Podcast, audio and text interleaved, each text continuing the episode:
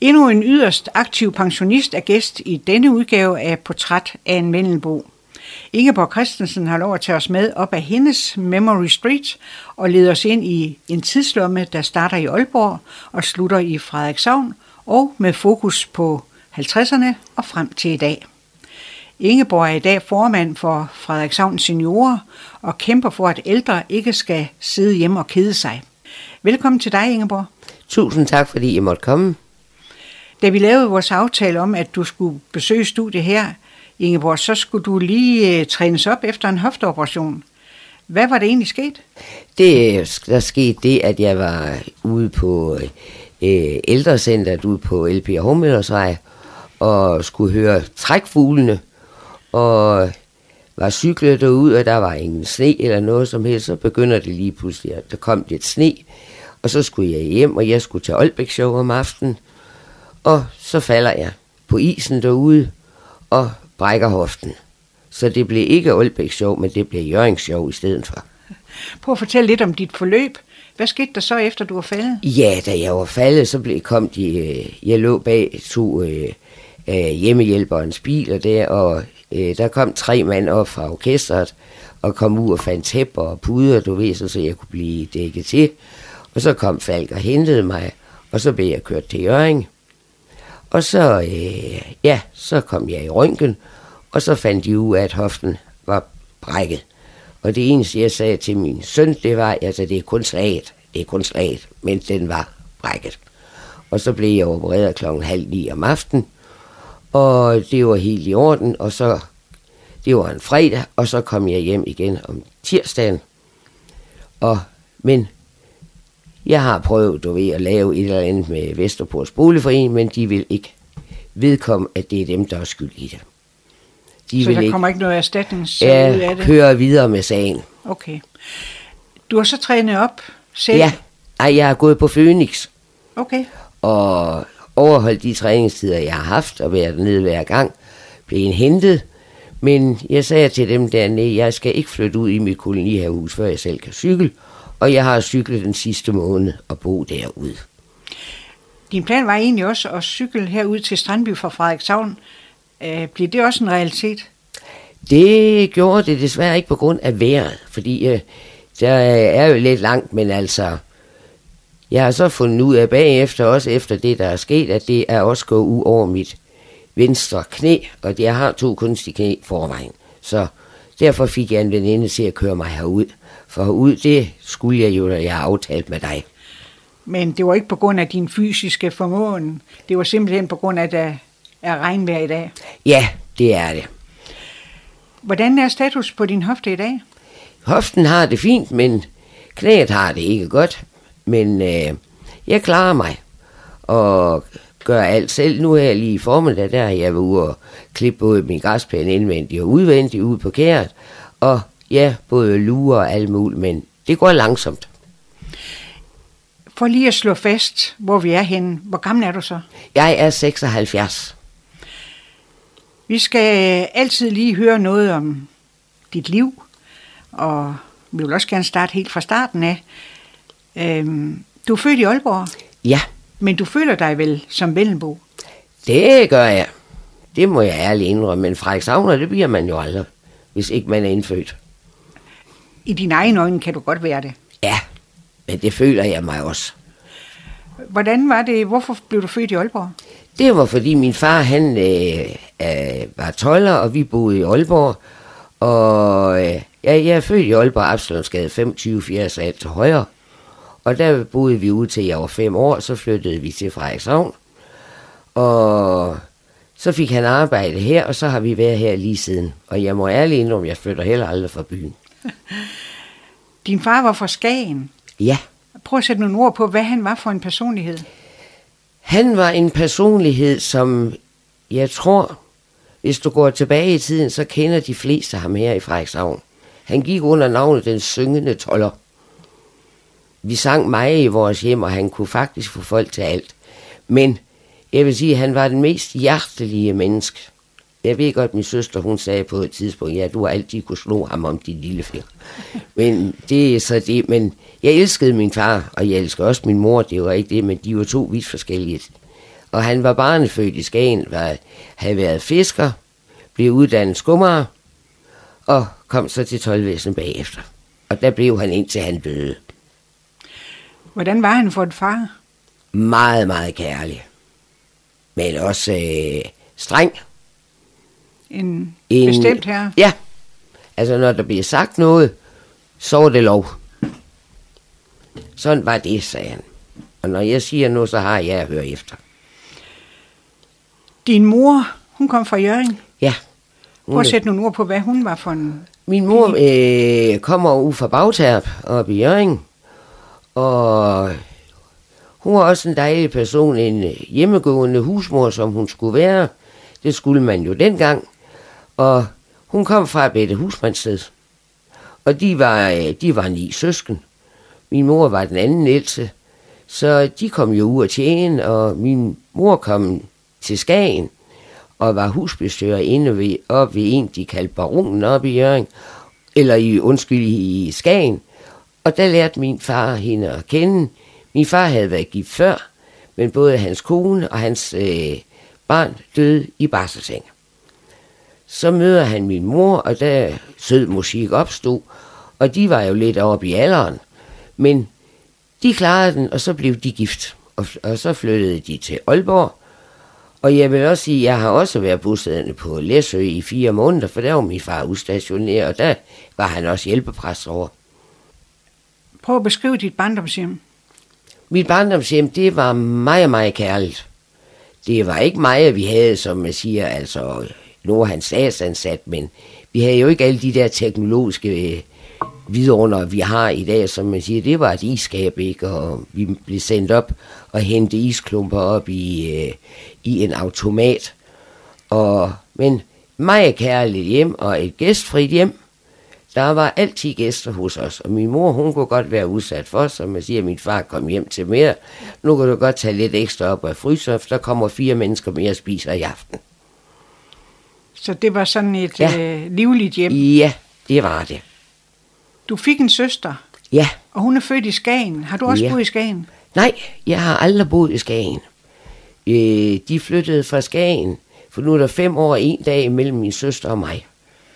Og de flyttede fra Skagen og så til Aalborg, og hvor jeg så selvfølgelig blev født, men jeg har aldrig boet i Skagen. Men jeg vil sige, at jeg elsker Skagen. Mine bedsteforældre blev boende deroppe i mange, mange år. Flyttede til Frederikshavn, men, og det trivedes de også godt med. Havde du et godt og nært forhold til dine bedsteforældre? Ja, rigtig nært. Prøv at fortælle lidt om dem. De var, øh, min bedstefar var post, og gik med post ud på, til de kongelige, du ved ikke, så ud på Klitgården.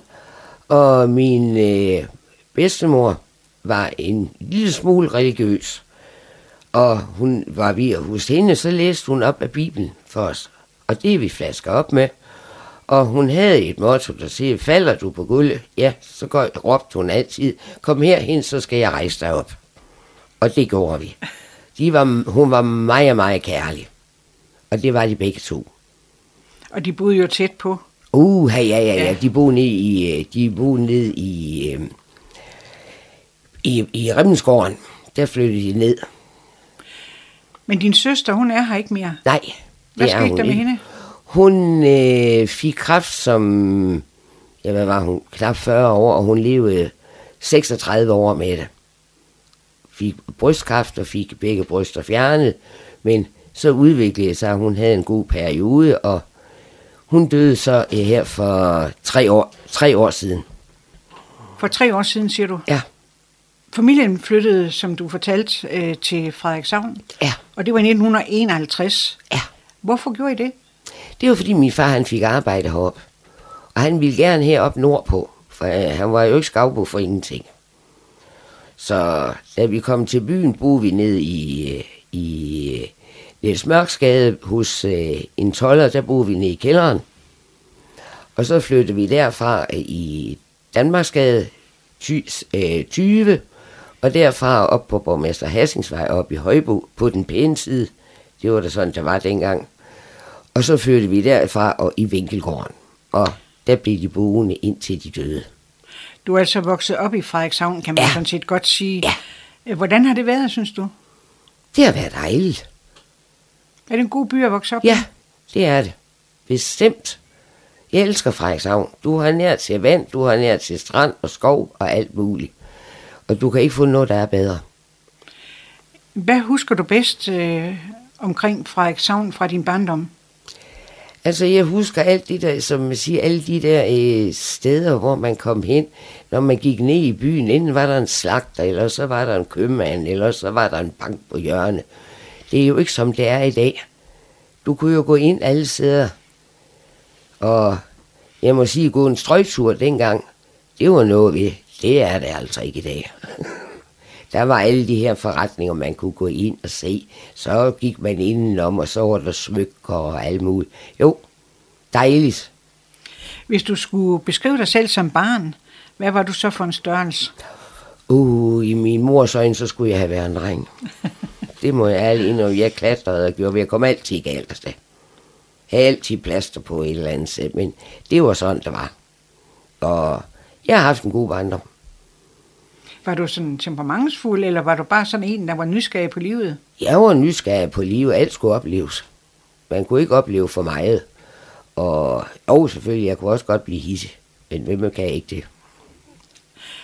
Hvad fik du tiden til at gå med, inden du kom i skole? Hvad lavede du som barn? Jamen, vi, øh, altså dengang var der ikke noget, der hed computer. Vi legede jo ude, du ved ikke, og det var med både naboer og alt muligt, og vi kørte på skøjter, og vi kørte på rulleskøjter, og jamen, vi var jo faktisk ude hele dagen. Og det skulle man jo være dengang. Fordi, altså, som jeg siger, vi var ikke nøglebørn, min mor var altid hjemme. Men øh, der skulle foregå noget. Og det gjorde det, jeg må sige, at vi havde mange venner. Og de kom også i vores hjem. Hvad var det for nogle lege, du havde? Var det øh, rundbold, eller? Ja, vi ville spille rundbold, og vi leger cowboy og indianer, og øh, ja, faktisk alt muligt, som man siger, øh, lave rundkredsleje og sad på gyngerne og sang og sådan noget. Det var det, vi gjorde. Så kom du på Jørgenvej skole Ja. som det første. Hvad husker du fra den tid? Altså, jeg husker, som man siger, Fuglebæk og hans kone, de mest pragtfulde mennesker. Og hvor, øh, i klasselokalet var der kakkelovn, så der var koldt om vinteren, men det var der ikke nok at være. Det var med morgensang, med violin og alt muligt. Og jeg må sige, det var en god tid op på Jørgen skole. Der var faktisk her, at vi skulle flytte. Var der mange elever? Ja, det var der. Fordi der, øh, øh, der var de i gang med at bygge Fladstrand skole, og alle de, dem, der ikke kunne komme derop, jamen, de kom på Jørgenvejens skole. Havde du det fint med at gå i skole? Ja, jeg elskede at gå i skole. Det må jeg sige. Jeg har altid været glad for at gå i skole. Og også haft gode lærere og alt muligt. Det er slet ikke det. Har du noget, du husker øh, specielt fra den tid? Ja, jeg husker, vi havde øh, både sangkor og alt muligt og også, som man siger, altså, øh, vi i klassen havde et godt sammenfor, øh, sammenhold, og alle var glade for hinanden. Der var ikke noget med, at man slås, og nogen mobbede hinanden. Ikke på den måde, som det er i dag. Var der nogle yndlingsfag? Åh, oh, ja, altså, øh, regning og dansk, og så, øh, har jeg, og så har jeg også godt kunne lide geografi, fordi så kommer du rundt i verden.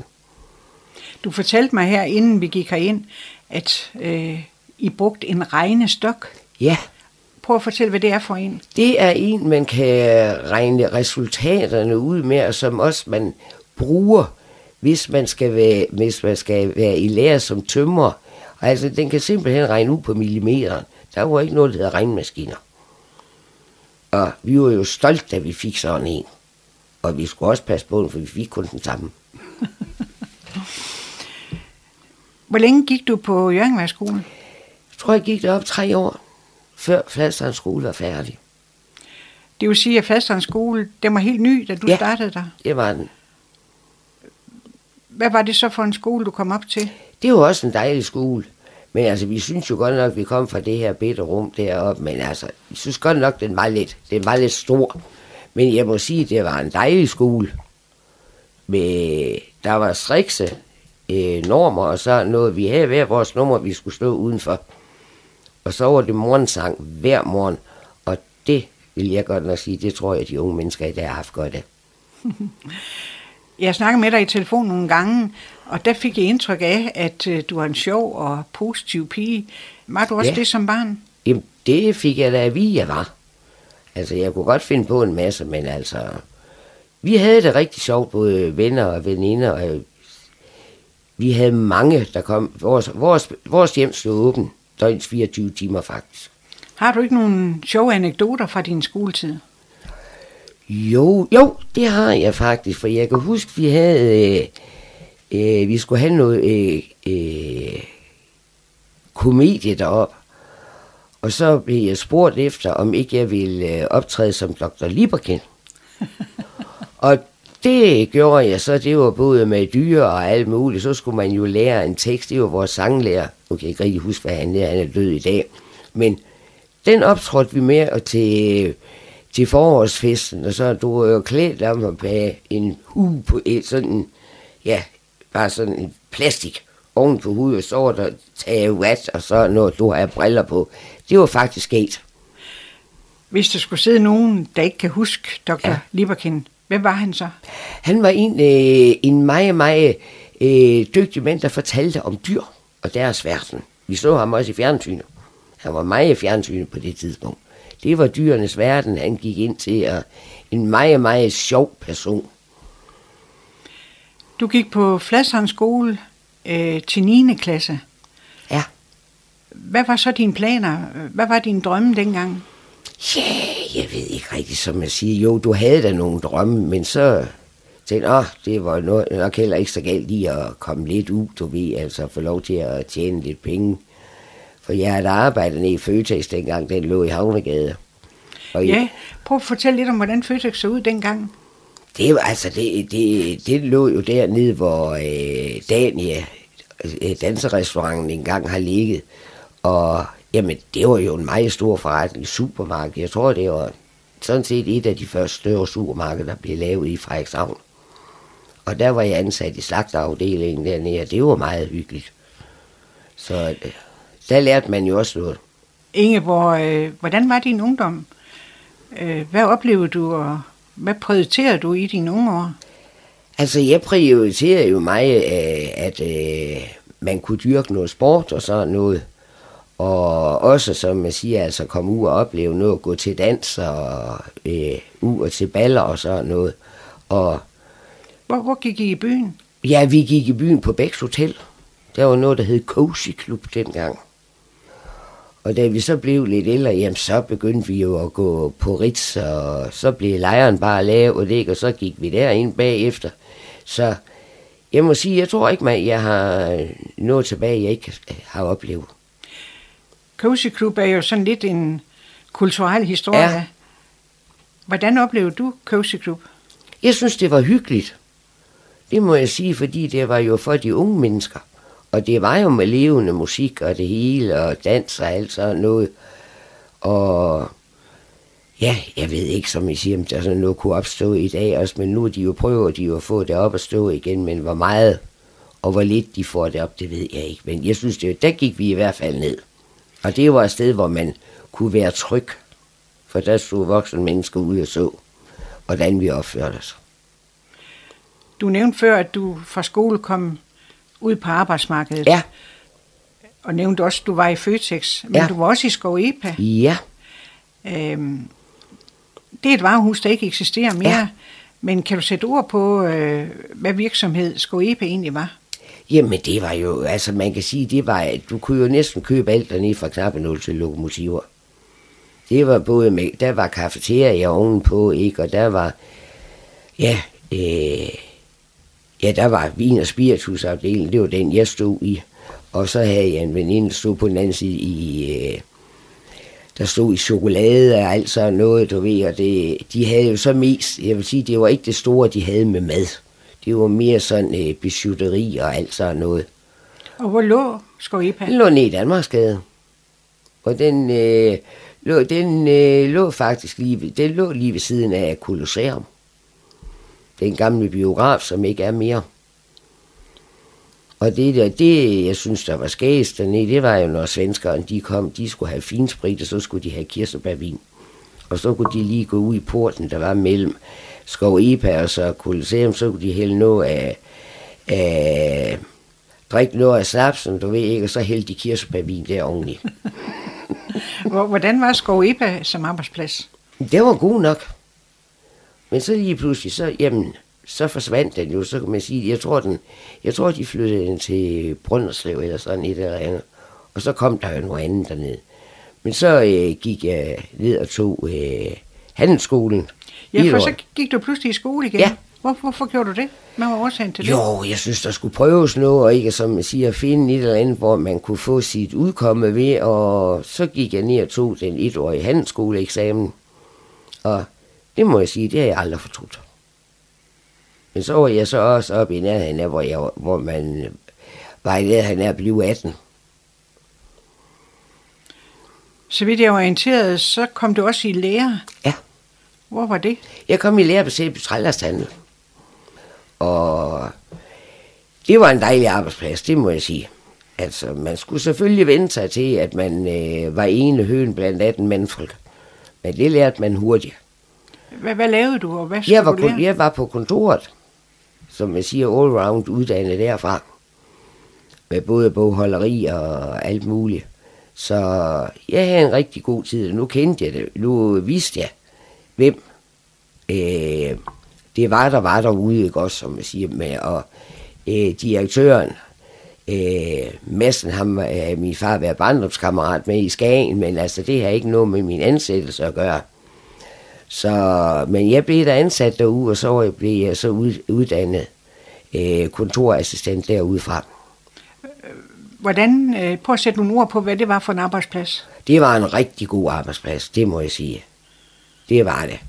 Da du blev sat til det hele, og der var ikke noget, der var aldrig kiv derude. Det må jeg sige. En dejlige mennesker. Altså, Eksisterer Sæby Trælast også i dag? Ja, men det gør den, men den ligger ikke i, øh, på Christian Pedersens vej, som den lå før. Den ligger jo uden for byen i dag. Og på den modsatte side af Christian Pedersens vej, der lå skjold. Og den var jo ikke ret bred, så det var samtidig en kamp. Hvis en af vores lastbiler skulle ud fra trælasten, og en skulle ud over for skjold, så var med at finde ud af, hvem skulle have lov til at køre først. Senere, så kom du øh, til Rasmussen og Stisager. Ja. Det var et entreprenørfirma fra Aalborg, som havde til huse op i den gamle gård op på øh, Råholdvej. Og der var jeg så op, som man siger, indtil de lukkede. Og der blev jeg ansat på kontoret der også, og havde en god veninde deroppe, som jeg ja, hun blev en bagefter, at hende havde jeg som kontorelev deroppe. Og vi var som ikke mere end os to på, på kontoret.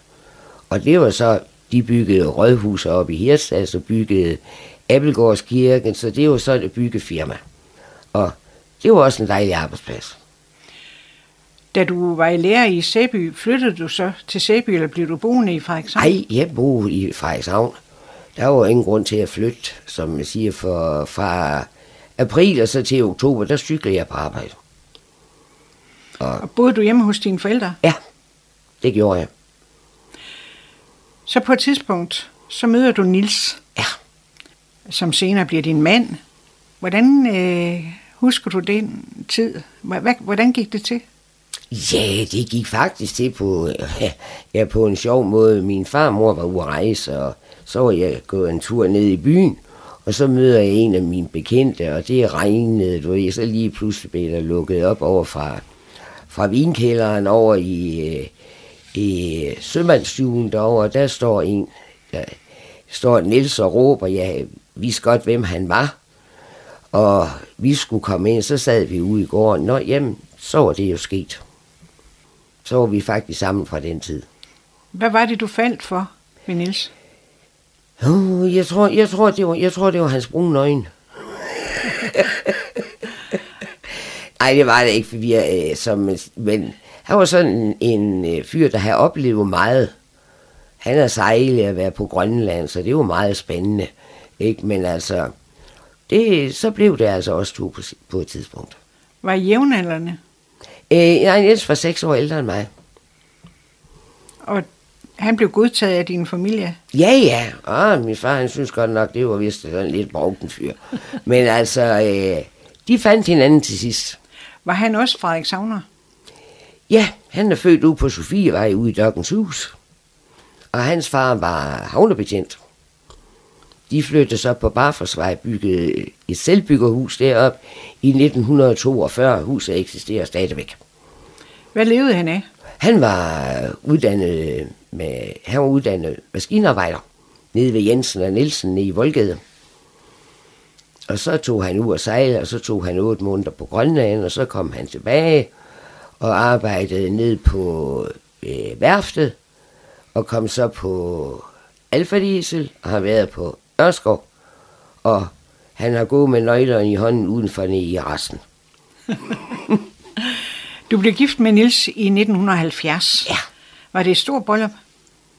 Ja, det var jo med hele familien. Jeg tror, vi var en 70 mennesker ude på Syvsten Kro. Og det var en stor dag? Ja, det var det da. Det var det. Men allerede i 1972, øh, der slutter du på arbejdsmarkedet. Ja. Hvad var årsagen til det? Årsagen til var det, at vi fik vores øh, første søn Jimmy, og vi havde bestemt øh, fra tiderne, altså da vi blev gift, at den af os to, som tjente flest penge, skulle gå på arbejde. Og vi havde, lagt, havde øh, sad og lagde både det ene og det andet sammen, og så viste sig, at Niels han tjente altså 400 kroner mere end mig. Og så skulle han gå på arbejde, og så er jeg faktisk gået hjemmesiden. Og jeg har aldrig fortrudt det. Du har også set din mor være hjemmegående eller hjemmearbejdende. Ja. Øh, var det øh, en af årsagerne til, at du også valgte at selv vil passe dine børn? Ja. For vores børn skulle ikke på institution. Og det var I enige om? Det var vi enige om begge to. Niels har heller aldrig været for min svigermor har også altid gået hjem. Allerede som barn så du aktiv Ja. fysisk, og du startede som toårig til dans. Ja, Hvorfor gik det? De foregik ude ved fru Alholdt ud i Aalborg. Jeg lagde sutten i min mors skød, kan jeg huske, mor hun fortalte, og så gik jeg ud på danseskole, så skulle jeg danse. Og det fortsatte vi så med, da vi kom her til Frederikshavn, nede ved fru Pi, fordi Sonja, Pi og min far var barndomsvenner fra Skagen. Og så fortsatte vi med at gå til dans. Hvordan var det at gå til dans dengang? Ah, Hvordan foregik det? Altså, det foregik det var jo med strikse regler og alt muligt. Og, men øh, jeg vil sige, man lærte nu, og man lærte at opføre sig ordentligt. Du lærte både at lege og alt muligt, og var respektfuld over for voksne mennesker, og dem sagde du altid de til. Var der levende klavermusik? Ja, eller? ja, ja, ja, det var der. Det var der frøken øh, Rasmussen, hun bor oven på øh, Hangård Boghandel. Og hun underviste også i klaverspil, og der har vi også gået både min søster og mig. Og min øh, faster, som jeg siger, fru installatør Laursen, det var min fars lille søster. Hun har også altid spillet klaver, og min far han spiller violin. Har du kunne bruge det, du lærte dengang senere i livet? Altså, jeg vil sige klaverspil, ikke? Men alt det, man har lært til dans, det vil jeg sige, det har altså gjort en rank. Jeg tror, jeg gik i 15 år nede hos fru Pi, så gad jeg altså ikke mere. Fordi hun sagde Var det standarddanse, eller var det Det var, det, var det, det, og- var både, det var det hele. Både øh, og til afdansningsbal, ja, men det var jo så flot, så flot. Det var jo med levende musik og alt muligt, det hele. Fine så. kjoler og Uh, ja, ja, og- ja, ja, ja, ja, ja. Vi fik, øh, mor sad altid og syge kjoler til os. Var du øh, med i konkurrencer? Nej, det gjorde vi ikke. Nej, Så det var ren, det var ren og skær. Ja, det var hygge. ja. Og det var nede på Hofmanns Hotel. Sport har Ja. også altid øh, været en del af dit liv. Ja. Øh, du spillede håndbold. Ja, Hvor var det? det var i FFI. Og der spillede jeg i mange år. Men øh, så lige pludselig, så, så, så, så synes jeg ikke, det var rigtigt, det de gjorde i FFI. For der kom de og spurgte, hvad er din far, hvis man skal på holdet? Og så sagde jeg, at jeg skal ikke på hold, fordi min far han er kun 12, og så stopper jeg. Men, men hvad gav det dig at være øh, med i sådan et sammenhold omkring håndbold? Jo, det giver jo et godt kammeratskab, og mange af dem kender jeg, kender jeg jo også i dag, som man siger, jeg har spillet, jeg spillet sammen med Lisbeth Thompson og alle de der, ikke? Men øh, det har også givet en, øh, en lille smule ryggrad, fordi så kan man jo også finde ud af, hvordan er folk. Ja, for det, at man spiller håndbold, det er jo et holdspil. Det er så det. man skal ligesom tage hensyn til Ja. hinanden og lære at skal man. koordinere tingene. Ja. Og det må jeg sige, det gjorde vi. Men så gik jeg så over i KFUK og spillede stadigvæk håndbold op i en gammel badmintonhal. Indtil den brændte. KFUK, hvad ja. Ja. er det? Det, øh, det er også, øh, det var både KFUM og KFUK. Ikke? KFUK, det var for piger, og KFUM, det var for mænd. Var det en spejderorganisation? Nej, nej, jamen det, ja, der var både spejder, og der var sportsaktiviteter. Vi, havde, vi spillede også både turneringer og alt sådan noget, men dengang, der skulle vi jo have lov til at cykle alt til, til de steder, hvor vi skulle hen. Og hvor øh, trænede I? Vi trænede op i en gammel badmintonhal. Og det gjorde vi også, da jeg gik, da jeg gik i FFI. Vi har Ingeborg i studiet, og Ingeborg, øh, du har også altid godt kunne lide at gå til gymnastik. Ja. Hvad gjorde det ved dig? Hvad, hvad var årsagen til det? Åh, oh, jamen jeg synes øh, lige pludselig så trængte jeg til at komme ud og, som man siger, at få øh, en eller anden form for, jeg vil ikke sige frihed, du ved, men øh, så begyndte jeg at gå til gymnastik, og det synes jeg var dejligt. Det var så i FFI, der var vi også til opvisning og sådan noget. Og så begyndte jeg også at gå til øh, gymnastik op i øh, den gamle badmintonhal nedenunder. Og så var hende, der underviste os, hun øh, blev lige pludselig sendt på arbejde. Og så har hun spurgt hun sig efter, om jeg ville overtage. Så tænkte, ah, det synes jeg nu ikke rigtigt. Jeg var jo nødt til at gå hjem og spørge.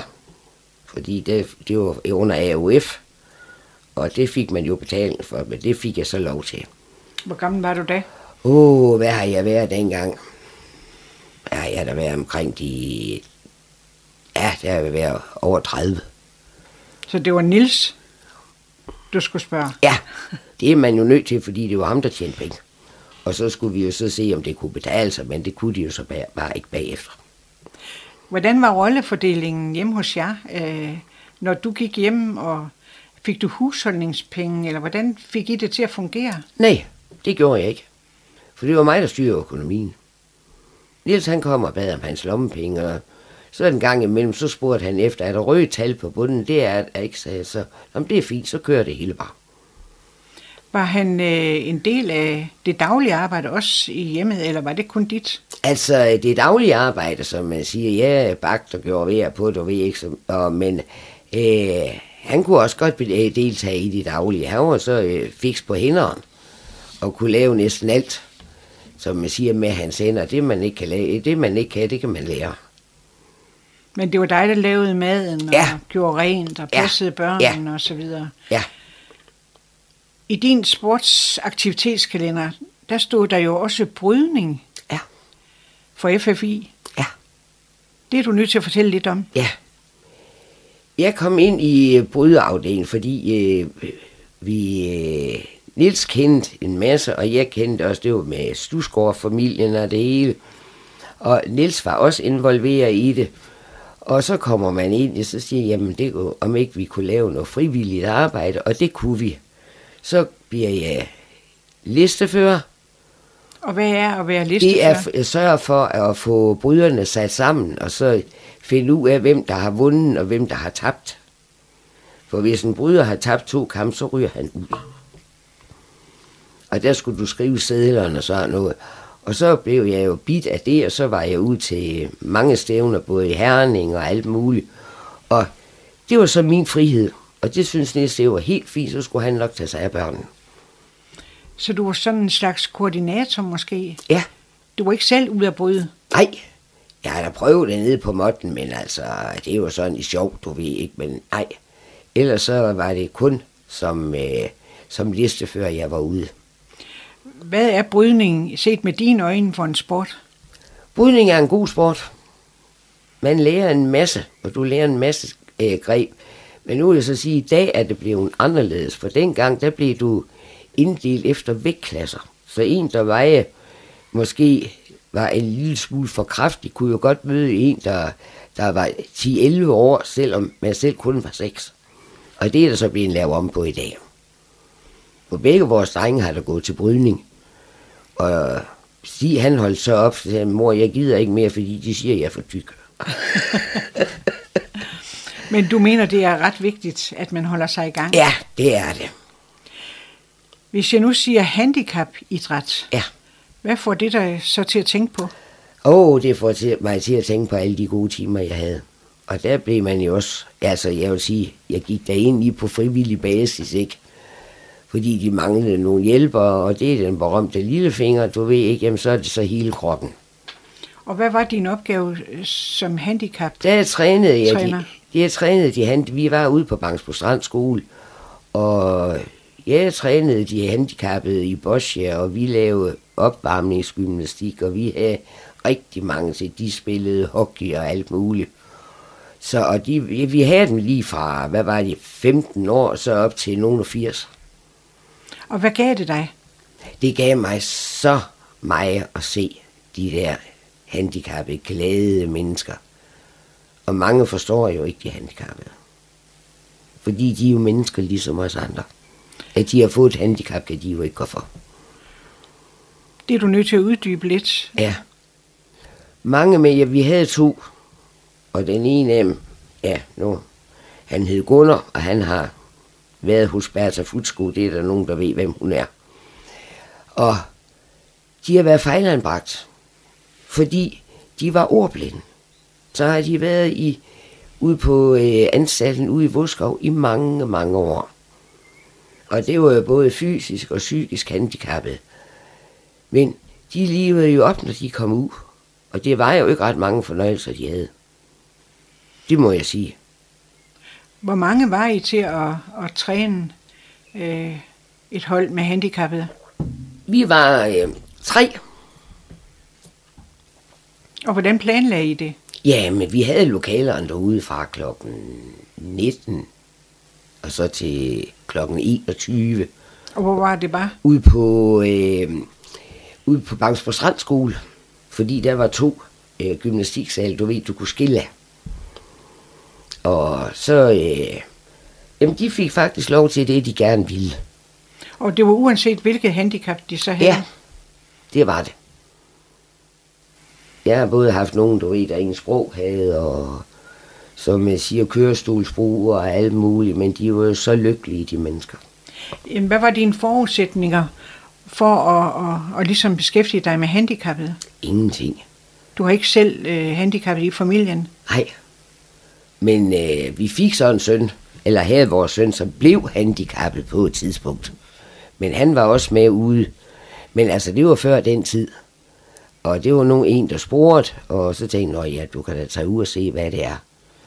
Og jeg må ærligt indrømme, jeg blev meget, meget glad for det.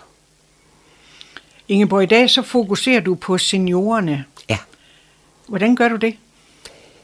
Ja, det gør jeg jo ved, at man er blevet lukket ind i det, ikke? Og så har vi skidt, havde øh, vores formand, han flyttede fra byen, ikke? Nå, jamen, så var der ikke nogen, så var der nogen, der spurgte om ikke, jeg ville tænke, nå, jamen, det kan jeg da godt prøve. Men altså, det er jo det, så tager det overhånd. Så det du mener, det er, at du er formand for Frederikshavn Seniorer, Ja. en forening, Ja. øh, som... Øh, hvad mål har I? Vi har formålet med, at øh, folk skal ikke sidde og kede sig. Vi er oppe på Ingeborghus og har bankospil øh, hver 14. sag. Og den første onsdag hver måned er der øh, seniordans, altså der er dans, og de får øh, varm mad, og selvfølgelig koster det jo noget med, med musik og dans, og vi slutter altid om, starter klokken øh, ja, 16.45 siger, at de må have lov til at komme ind, men de fleste, de står deroppe allerede klokken 4, fordi de skal ind og have deres faste pladser. Men musik og dans og det hele, og vi slutter ved halv 11 tiden, og så har de haft en god aften. For man skal ikke sidde og kede sig derhjemme, men det er svært mange gange at lokke særlige enlige mænd ud af huset. Hvor mange er I? Vi, altså, i dag er vi kun, øh, vi er øh, 78 medlemmer. Og de 50 af dem, som man siger, de kommer jo til, til dansaftener. Du er nødt til at fortælle, hvad en dansaften den går ud på. Den går ud på, at øh, klokken halv seks, så får de et varmt måltid. Så det, det er så mig, eller vi i bestyrelsen, der bestemmer, hvad de skal have, fordi førhen fik vi smørbrød, det synes jeg var træls. Fordi det er på det tidspunkt, ældre mennesker, de spiser. De vil også helst have varm mad. Og så er det overstået. Så Hvem, hvem laver det med? det gør de op på Ingeborghus. Og det er Og- også der, det foregår. Det er der, det foregår, ja. ja. Og det er fint, så man siger, når så de er færdige med at spise, de kan ikke blive hurtigt nok færdige, så er tallerkenen stablet op hen for enden af bordet. Så er det bare med at komme i gang. Og så er der så dans og musik, og så ved halv ni, ni tiden, så får de kaffe og småkager. Og så når det er ryddet af, så fortsætter dansen. Og så er det alt efter, om det er noget høstfest, der er lidt ekstra, du ved ikke, jamen, så kører musikken lidt ekstra. Og hvad er det typisk for noget musik, I har? Det er alt muligt, som man siger. Vi har en, der hedder Gert Dein, der spiller for os, og han kommer ned fra Havreslev. Og det er jo alt muligt, du ved, øh, popmusik. Altså, de vil jo have, godt have noget med noget go i. De vil også godt have rock and roll og, og country og alt sådan noget. Og det kan de spille. Og det nyder de simpelthen. Er der lige mange kvinder og mænd? Nej, kvinderne er i overtal. Men jeg vil så sige, kvinderne deroppe er meget, meget flinke til at danse med hinanden. Og det gør de. Hvorfor tror du, at øh, der er flere kvinder end mænd? Jeg tror, det er fordi mænd, når de bliver alene, så bliver de ensomme. Der skal nogen til at rykke dem ud. Og jeg ved det også, som man siger, Frederikshavns Kommune fokuserer meget på enlige mænd. Det er ligesom om, de kan ikke tage sig sammen. De skal have en eller anden, der kommer og henter dem. Men vi kan jo ikke rykke ud, folk ud med hårdt. Du har også en appel til Frederikshavn Kommune. Ja, det har jeg. Frederikshavns Kommune gør meget. Både for det ene og for det andet. Vi har paragraf 18, vi kan søge, men der kommer jo mange, mange flere klubber. Og jeg ved, som jeg siger, vi får ikke en krone i tilskud. Og Frederikshavn Kommune er dejlig, men de kan godt gøre lidt mere for de ældre. Og Frederikshavns Kommunes motto er jo, ingen ældre mennesker må sidde hjemme og kede sig. Men de mangler folk til at rykke dem ud. Og jeg vil sige, jeg skal ikke involveres i det, for jeg har nok. Når I øh, laver sådan nogle arrangementer, hvem, hvem står som øh, hjælper? Er det kun bestyrelsen? Ja, Og hvor mange kun- sidder I i den, vi er, øh, vi er fem. Som tilrettelægger det Ja. hver gang? Ja, Hvor stor betydning har det for dig at være aktiv i at hjælpe andre ældre i gang? jamen det har da en stor betydning. Det er jo dejligt at se, at ældre mennesker kan få smil på læberen. For der går godt nok mange rundt omkring, som ikke aner, hvad de skal få tiden til at gå med. Er der mange enlige, synes du? Ja, det er der. Og mange, altså jeg ved også godt, kvinderne er heller ikke nemme at hive ud. Der skal komme en og hente dem. Men er der også ægtepar, der, Ja, ja, der ja, kommer ja, hos jer? ja. ja, det er der. Det har vi, og, og først folk de kommer ind til os, jamen, så møder de jo op hver eneste gang. Der skal bare lige nogen til at give dem det berømte spark bag. Hvordan formidler I jeres budskab? Det er formidlet fra mund til mund. Ja. Det må jeg sige. Og I har stor succes, synes du? Vi, ja, det synes jeg, med de få medlemmer, vi har. Det, jeg vil sige nu, her til september, så øh, skal vi lige en tur til, til Rudbøl Gamle Grænsekro med en, en weekend. Og der var vi også nede sidste år, og det er simpelthen bare så hyggeligt. Der er godt sammenhold og god Ja. stemning. Det er der. Øh, hvad tror du, det har betydning, at, øh, at man er medlem af en forening eller en seniorklub eller andet, når man er enlig eller... det skulle jo give noget, noget øh, respons til sig selv. Men hvis ikke du er udadvendt, så er det meget, meget vanskeligt at få folk ud. For hvis folk vil lukke sig inden, du skal ikke bare sidde med hånden under kind. Du må også gøre et stykke arbejde selv. Så her med en appel til, Til alle, der har lyst til at komme ja, lidt i gang. kom ud af busken og kom ud blandt andre mennesker. For det er livskvalitet. Og det har også indflydelse på både din psyke og dit velvære. Du bliver meget ældre, hvis du kommer ud blandt ældre. Du har også brugt meget tid på Boligforeningen 1945 i Frederikshavn. Hvilke opgaver har du der? Jeg har, øh, altså nu, øh, jeg har, øh, vi boede på Remmens Allé. Og der sad jeg i afdelingsbestyrelsen i 10 år. Og så stoppede jeg så lige med det.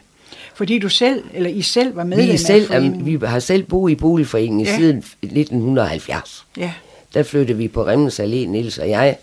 Og der var der jo klausuler inden for boligforeningen. Der måtte man kun bebo en lejlighed i tre måneder, så skulle man være gift. Og vi sådan. flyttede ind til 1. maj og blev gift 1. august. Så I fulgte reglerne. Ja, det var vi nødt til. Men så blev du engageret i, i Boligforeningen. Ja, Hvorfor så, det? Fordi så, jamen, øh, der skulle, øh, som, øh, jamen, nogen spurgte, der skulle være en afdelingsbestyrelse. Og jeg gik jo til det møde, det interesserede ikke Niels. Og så bliver man valgt ind. Nå, jamen, så bliver man jo berørt af det, for at tænke, jamen, du er jo nødt til at lave noget for, for beboernes, øh, for og beboerdemokrati og alt sådan noget. Så stoppede jeg så på et tidspunkt. Så da jeg flyt, vi flyttede ned i Midtpunkt, det er så 21 år siden nu, så vores formand, der var der, han stoppede. Og så tænkte jeg, ej, så, siger han, så kom jeg spurgte, vil du ikke overtage det? Så tænkte jeg, nå ja, det kan du da godt prøve, ikke? Så det har jeg været lige siden. Og det er du stadigvæk. Ja, Og hvad giver det dig? Jamen, det giver mig et, øh, altså, som, altså et rygstød, vil jeg sige, og så også energi til at få nogle af de, jeg må godt sige, gamle, som bor nede i den afdeling, hvor jeg bor, fordi de er jo, vi er jo ældre, og nogen er snart over 90. Få dem ud af busken også. Men de er jo meget, meget vanskelige at trække op. Hvis vi nu vender tilbage til din familie, Ingeborg, Ja, så blev du gift med Nils i 1970. Ja.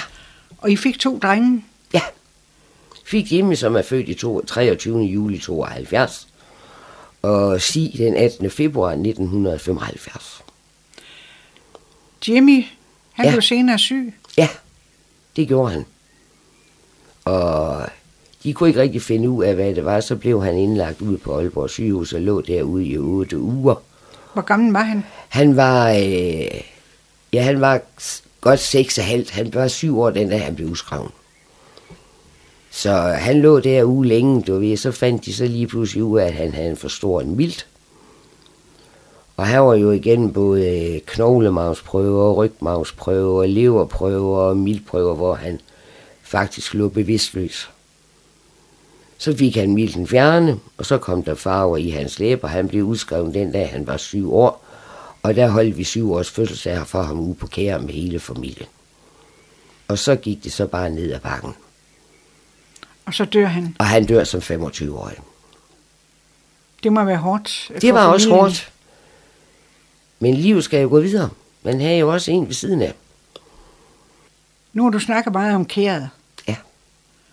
Men fortæl lidt om, hvad kæret betyder for dig, og hvad det er. Kæret betyder faktisk alt for mig. Vi, fik, øh, vi købte kæret derude i 1973, den, første, den 4. april. Så i år har jeg været derude i 50 år. Og hvad er kæret? Kæret, det er en kolonihave, som ligger her uden for Frederikshavn, du ved, moskeen. Og der er 236 hus derude, og vi har et lille bitte, huset er ikke stort, men jeg elsker at være derude. Det er et fritidsområde, og Niels kunne også godt lide det. Børnene trives derude. Hvorfor? Hvad, hvad er det, kæret kan? Kære, det kan, det kan, at du kommer ud i den friske luft hele tiden, og vi er bare ude mennesker alle sammen. Og at sidde i en lejlighed, som jeg siger, med, når du, der er 30 grader udenfor, det er jo ikke sjovt. Så vi købte det og fik det ordnet, og Så har vi haft det lige siden. Er det sådan, I bor derude om sommeren? Det er det. Jeg så bor der er både derude. toilet og... Nej, nej, det må der ikke være. Nå, det må der ikke være. Nej. Hvad gør I så?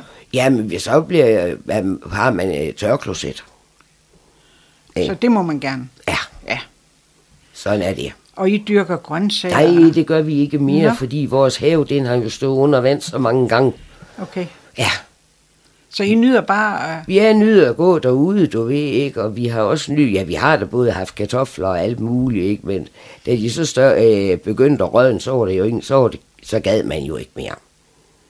Men begge drengene var vokset op til Stig er født i februar, og til øh, 1. maj, der flyttede vi derud. Så de bor også på Kæret? De har boet på Kære som børn, ja. Ja. Stig, hvad laver han i dag? Han er, han er uddannet maskinarbejder og fra Alfa Diesel. Og arbejder nu op på Ellerhammervej, oppe på en, øh, en fabrik der, en gammel, jeg kan ikke huske, hvad den hedder, han har fortalt mig, er men en rigtig gammel Frederikshavner virksomhed, som faktisk næsten er 100 år gammel. Så han bor også i Frederikshavn med Han sin bor, familie? ja, det gør han. Han bor op på, øh, på øh, ja nu smuttede den lige, men op på Tinglevvej nummer 4. Og, han har, og de har, ham og Lene har to dejlige drenge. Så du er altså også bedstemor? Ja, jeg er farmor. Du er farmor. Jeg er farmor, ja. Og hvad betyder det for dig? Det betyder meget. Og jeg vil sige, dem har vi også fået lov til at passe næste af. Det er jo den måde, vi har kunne hjælpe dem på, ikke også? De har også været, faktisk også vokset op Kær. Hvor gammel er dine børnebørn? De er øh, 22 og, og 19. Du mistede din mand for 12 år siden. Ja.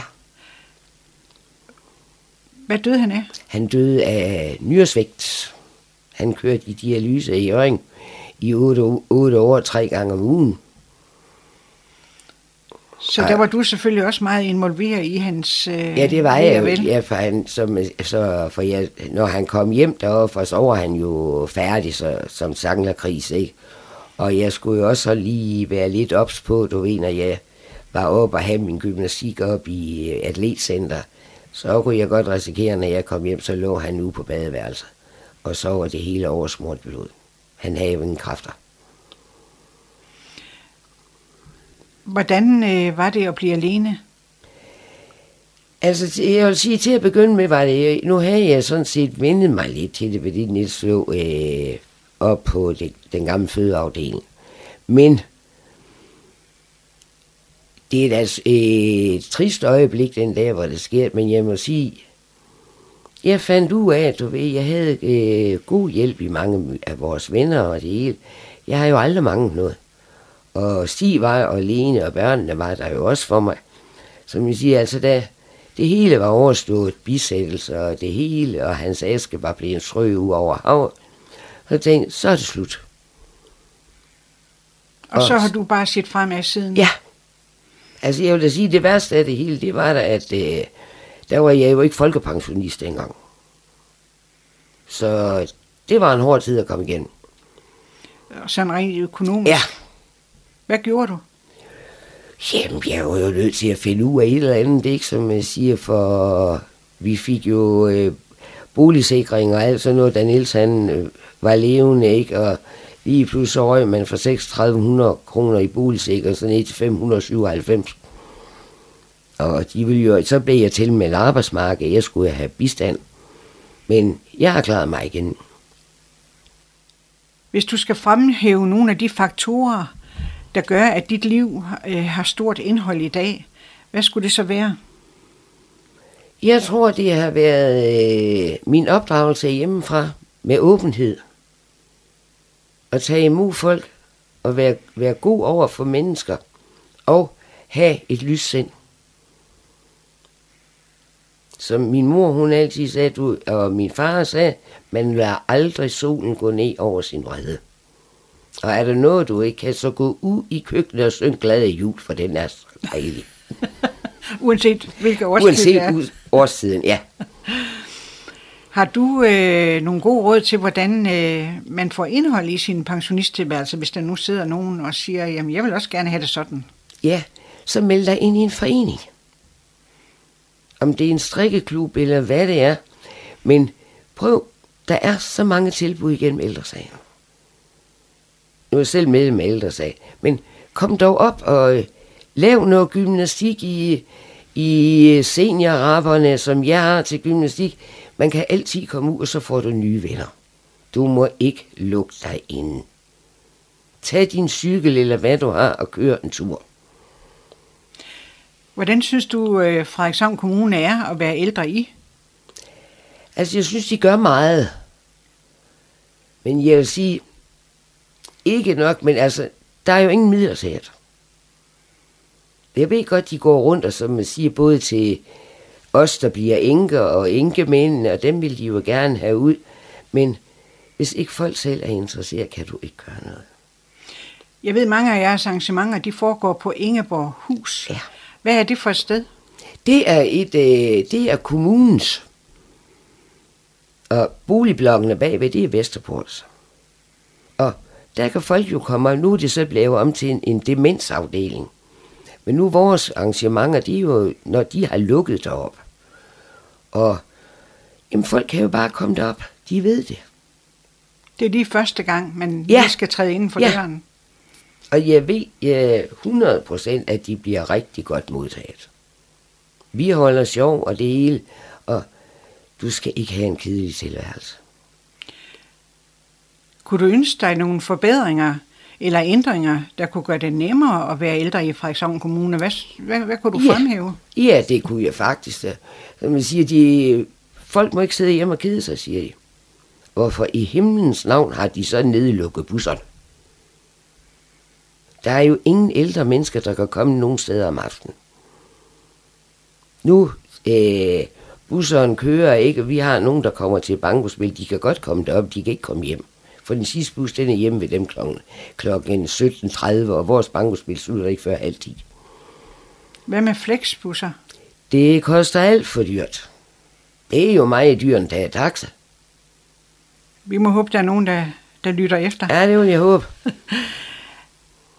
Hvad er de største kvaliteter i dit liv i dag? Det er, ja selvfølgelig kvaliteterne, det er, som jeg siger, det er det, jeg laver. Og så også øh, min søn og svigerdatter og børnebørn. Og så mit øh, lille dejlige kære derude, som jeg har en stor omgangskreds på den vendeplads, hvor vi bor. Og Det så, er, og så du har din familie så tæt på? ja, Hvad med dine børnebørn? Er det tit, du har noget med dem at gøre? Ja, de kommer forbi, som jeg siger, men nu er nu, øh, den øh, bedre af dem, Emil, han øh, I lærer som elektriker, og I går med ved at uddanne sig til, til pædagog, og jeg øh, skal ud i praktik nu her. Og jamen, så har de jo deres, og Emil spiller fodbold, og øh, Stig er træner for fodboldhold også, selvom han aldrig har spillet fodbold selv. Men altså, det er sådan, det er. Og de er jo også vokset op med frivillighedsarbejde. Og hvor vigtigt er det, at man gør en indsats som frivillig? Det er meget, meget vigtigt. Hvis så bare de forældre, som har børn, der spiller på fodboldhold og alt muligt, vil sætte pris på det, for det er Tordenskjold soldater om igen. Og hvordan tror du, den yngre generation øh, ser på frivillig arbejde i forhold til, til den voksne i dag? Jeg tror, det har noget at sige med, med børnens opdragelse. Er du opdraget med frivillighedsarbejde, så tror jeg, du vil blive ved med at lave frivillig arbejde, hvis du bliver spurgt. Men dem, der sidder bag ved en computer hele tiden, og forældrene, de ikke gør noget for det, så er der ikke noget at gøre, så kommer de aldrig ud som frivillige. Ingeborg, hvad er årsagen til, at øh, Frederikshavn bliver den by, som du valgte at blive boende i? Prøv at fremhæve det bedste ved Frederikshavn. Ja, det bedste ved Frederikshavn, det er jo, at du, det er en åben by, og du har nemt både til skov og strand, og du har havn og det hele. Altså, vi ved godt, havnen er jo ikke, som den var før, med de gamle fiskehuse og alt det der, der var. Men der er højt til loftet, og der er plads til alle, hvis man vil. Men man skal altså også gøre en indsats for sig selv. Så du har tænkt dig at blive i Frederikshavn Ja, hele det dit seniorliv. fuldstændig. Jeg bliver i Frederikshavn, indtil de sætter låg på. Jeg siger tak til Ingeborg Christensen, frisk og velfungerende pensionist fra Frederikshavn. Tak fordi du tog os med ind i dit liv, og tak fordi du kom, Ingeborg. Ja, selv tak, det var så lidt. Udsendelsen her var tilrettelagt og produceret af Gitte Hansen.